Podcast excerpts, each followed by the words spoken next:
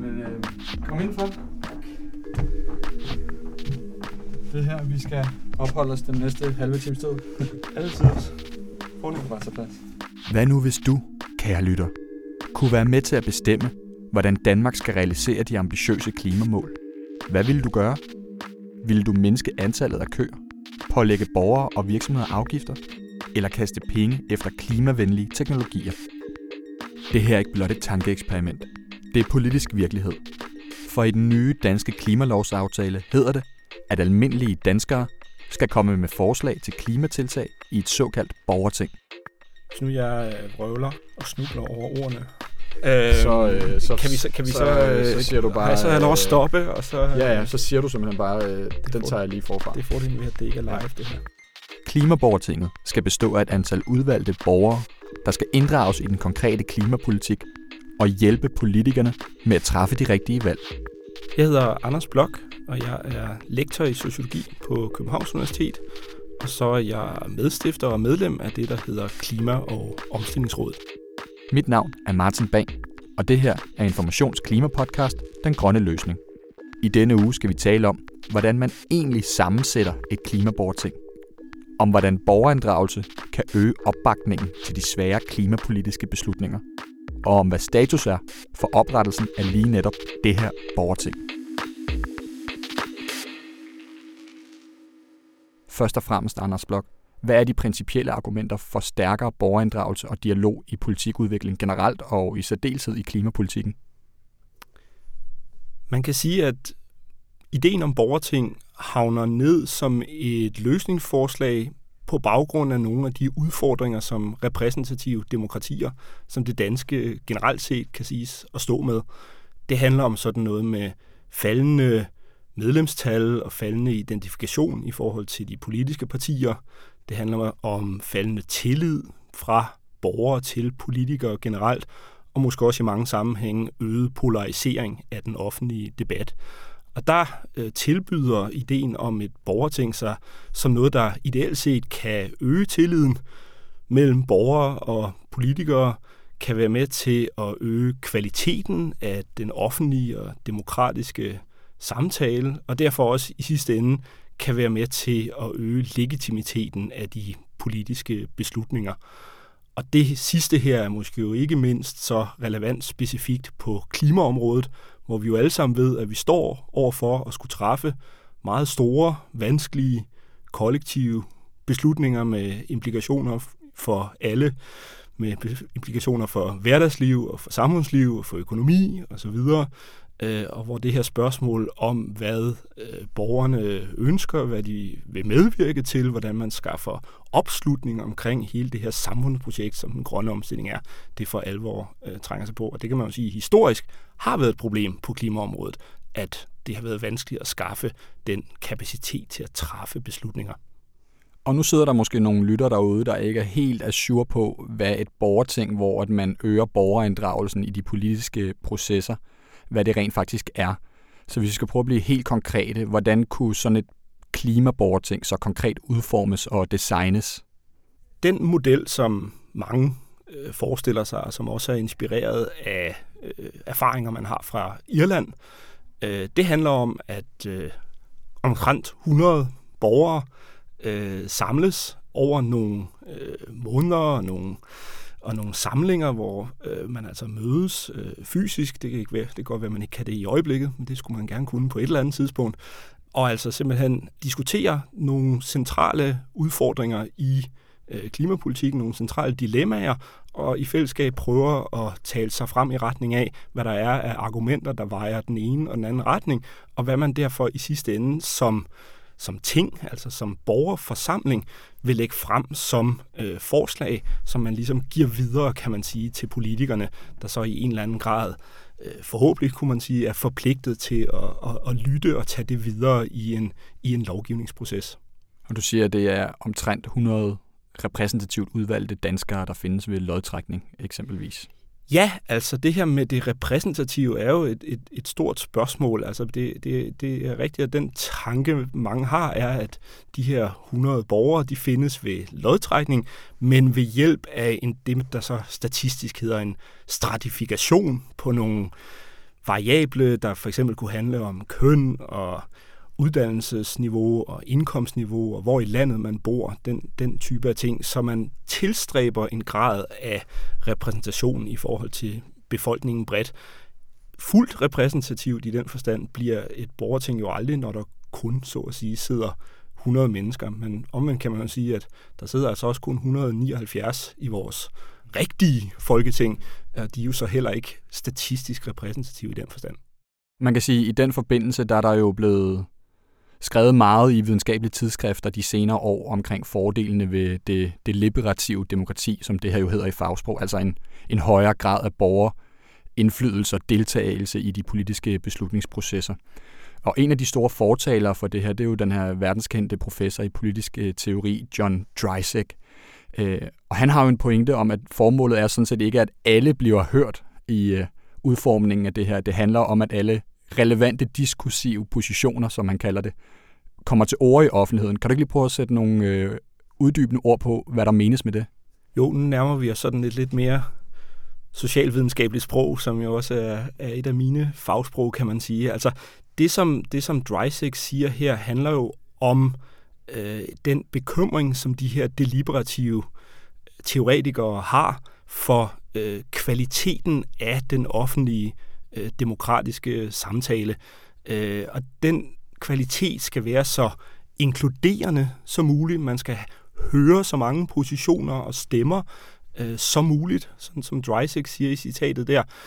Men idealet om, at alle bliver hørt om alle typer af beslutninger, alle typer af processer, det har man, øh, kunne man sige, forladt øh, inden for den position, for så vidt man nogensinde har haft den, fordi man forbinder det med en form for radikal græsrodsdemokratisk tanke, som sådan set ikke er det, man, man forestiller sig her. Det, man forestiller sig her, er mere en, en udvidelse øh, og en styrkelse øh, af det eksisterende demokrati i retning af at, at, at udvikle og, og styrke den, den kvaliteten af den demokratiske samtale så vi hører så mange forskellige positioner på den konkrete klimapolitik, som vi overhovedet kan komme til. Ja, og derved jo også øger muligheden, kan man sige, for at alle deltagere i samtalen bliver klogere øh, og får deres synspunkter kvalificeret og udfordret, øh, og dermed også et ideal om, at det så i sidste ende fører frem simpelthen til nogle bedre løsningsforslag.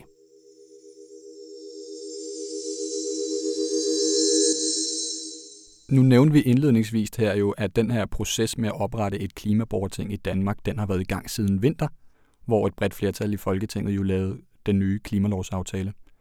Men øh, klimaborgertinget er jo som bekendt ikke blevet oprettet endnu, i hvert fald. Øh, og du har været en del af arbejdet kvæg din, øh, din tilknytning til Klima- og Omstillingsrådet. Hvad er status, Anders, egentlig? Ja, det vil jeg ønske, at jeg havde et godt svar på, øh, og det har jeg desværre ikke.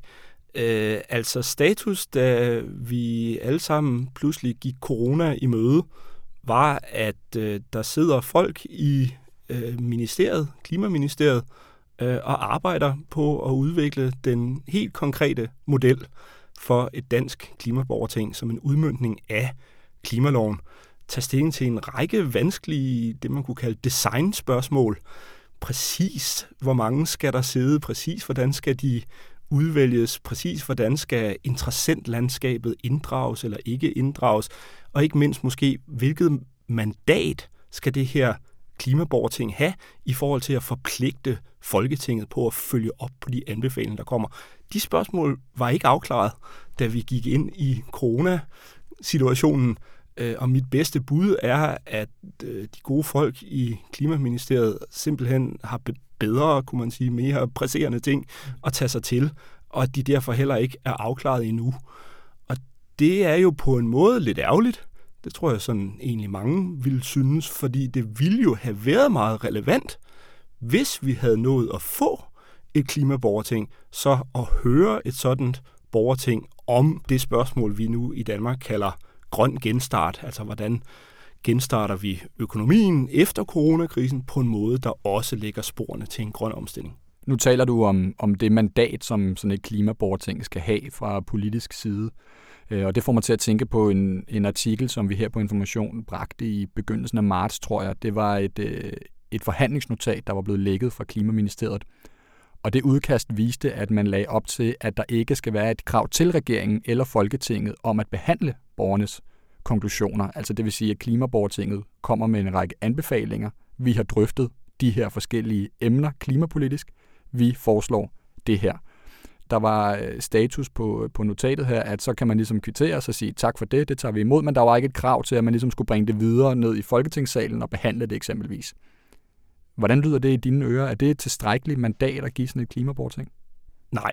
Det korte svar er nej, og det er egentlig det, mit, mit engagement i, i Klima- og Omstillingsrådet øh, også gik på i, i meget høj grad, og, og prøve at, vise på baggrund af erfaringer andre steder i verden, hvorfor det ikke er, er tilstrækkeligt. Det man kan se fra, øh, fra tilsvarende processer andre steder, det er, at det, at der er et mere forpligtende politisk mandat, altså at politikerne i højere grad forpligter sig på at arve de forslag, der kommer fra borgerforsamlingen videre i den lovgivende proces. Det er for det første meget afgørende for motivationen for de borgere, der er med i øh, borgertinget.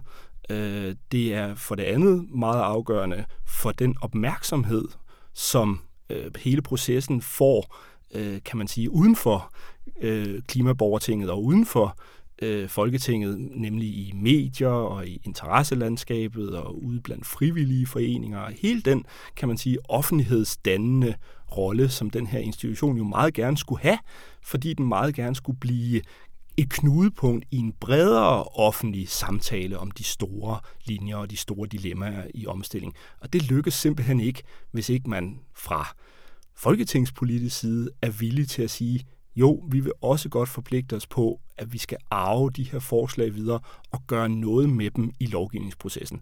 Præcis hvordan man så gør det, det er et knudepunkt, øh, som jeg tror øh, mange af os inde på Christiansborg øh, er, er meget optaget af at finde en god løsning på. Mm. I forhold til sådan et klimaborgerting her, der, som du påpeger, vi har meget forskningslitteratur og erfaringer fra andre lande, der viser, at, at borgerdialog kan være med til at forbedre kvaliteten af forskellige løsningsforslag. Øh, men modargumentet er jo så også, at den grønne omstilling er meget, meget kompleks, og øh, ofte er det blevet påpeget, at udfordringerne er måske er for komplekse til at blive håndteret af almindelige mennesker, set i lyset af det tidspres, vi jo er under i forhold til klimakrisen. Altså kan et borgerting på klimaområdet ikke være en hindring, hvis der sidder en masse borgere, øh, der simpelthen ikke ved, hvad der, hvad der skal til for at omstille et samfund til klimaneutralitet? Jeg synes, man i den sammenhæng skal tænke sig grundigt om i forhold til, hvad et demokrati egentlig er for en størrelse. Altså man kan sige, de 179 mennesker, øh, som vi har valgt ind i Folketinget, de er jo altså heller ikke klimaeksperter. Øh, og jeg vil nødig leve et sted, øh, hvor det ikke var sådan, at den type af repræsentativt demokrati var den måde grundlæggende, vi traf også meget vanskelige, meget komplicerede klimapolitiske beslutninger på baggrund af. Det kræver så, kan man sige, i vores almindelige politik, at vi har et fagligt, kompetent embedsværk, som hjælper politikerne med at træffe de her beslutninger, og det kræver i bredere forstand, at vi har en bred forgrening af ekspertinstitutioner, kunne man sige, som også hjælper embedsværket, og som hjælper politikerne, og som hjælper borgerne med at kvalificere de her diskussioner. Og jeg synes, man skal prøve at tænke en, et klimaborgerting på præcis samme måde. Der skal selvfølgelig også være ekspertinput til et sådan klimaborting, der kan kvalificere den diskussion, der foregår. Der skal også være en slags sekretariatbistand, kunne man sige, der minder lidt i lille skala om det, som et embedsværk gør i forhold til de rigtige, om man vil, politikere. Så på mange måder synes jeg, man, man skal besinde sig lidt og tænke, det er jo sådan, øh, demokrati er. Det er besværligt i nogle typer af sammenhæng, og ja, der er et stort spørgsmål om, hvordan ekspertviden skal filtreres ind, så at sige, i de her beslutninger. Men i sidste ende er der grund til, også igen i de erfaringer, man ser andre steder, at tænke, at når det så sker, så bidrager den her kan man sige, fokuseret borgerdiskussion og borgerdialog, den bidrager faktisk netop til at kvalificere det politiske rum, fordi borgerne jo er stillet lidt frit fra de sædvanlige politiske interesser og synspunkter, og derfor i en vis forstand kan indgå i en mere sober og, og mere kvalificerende dialog netop med eksperterne, end vores normale politiske beslutningsprocesser hviler på.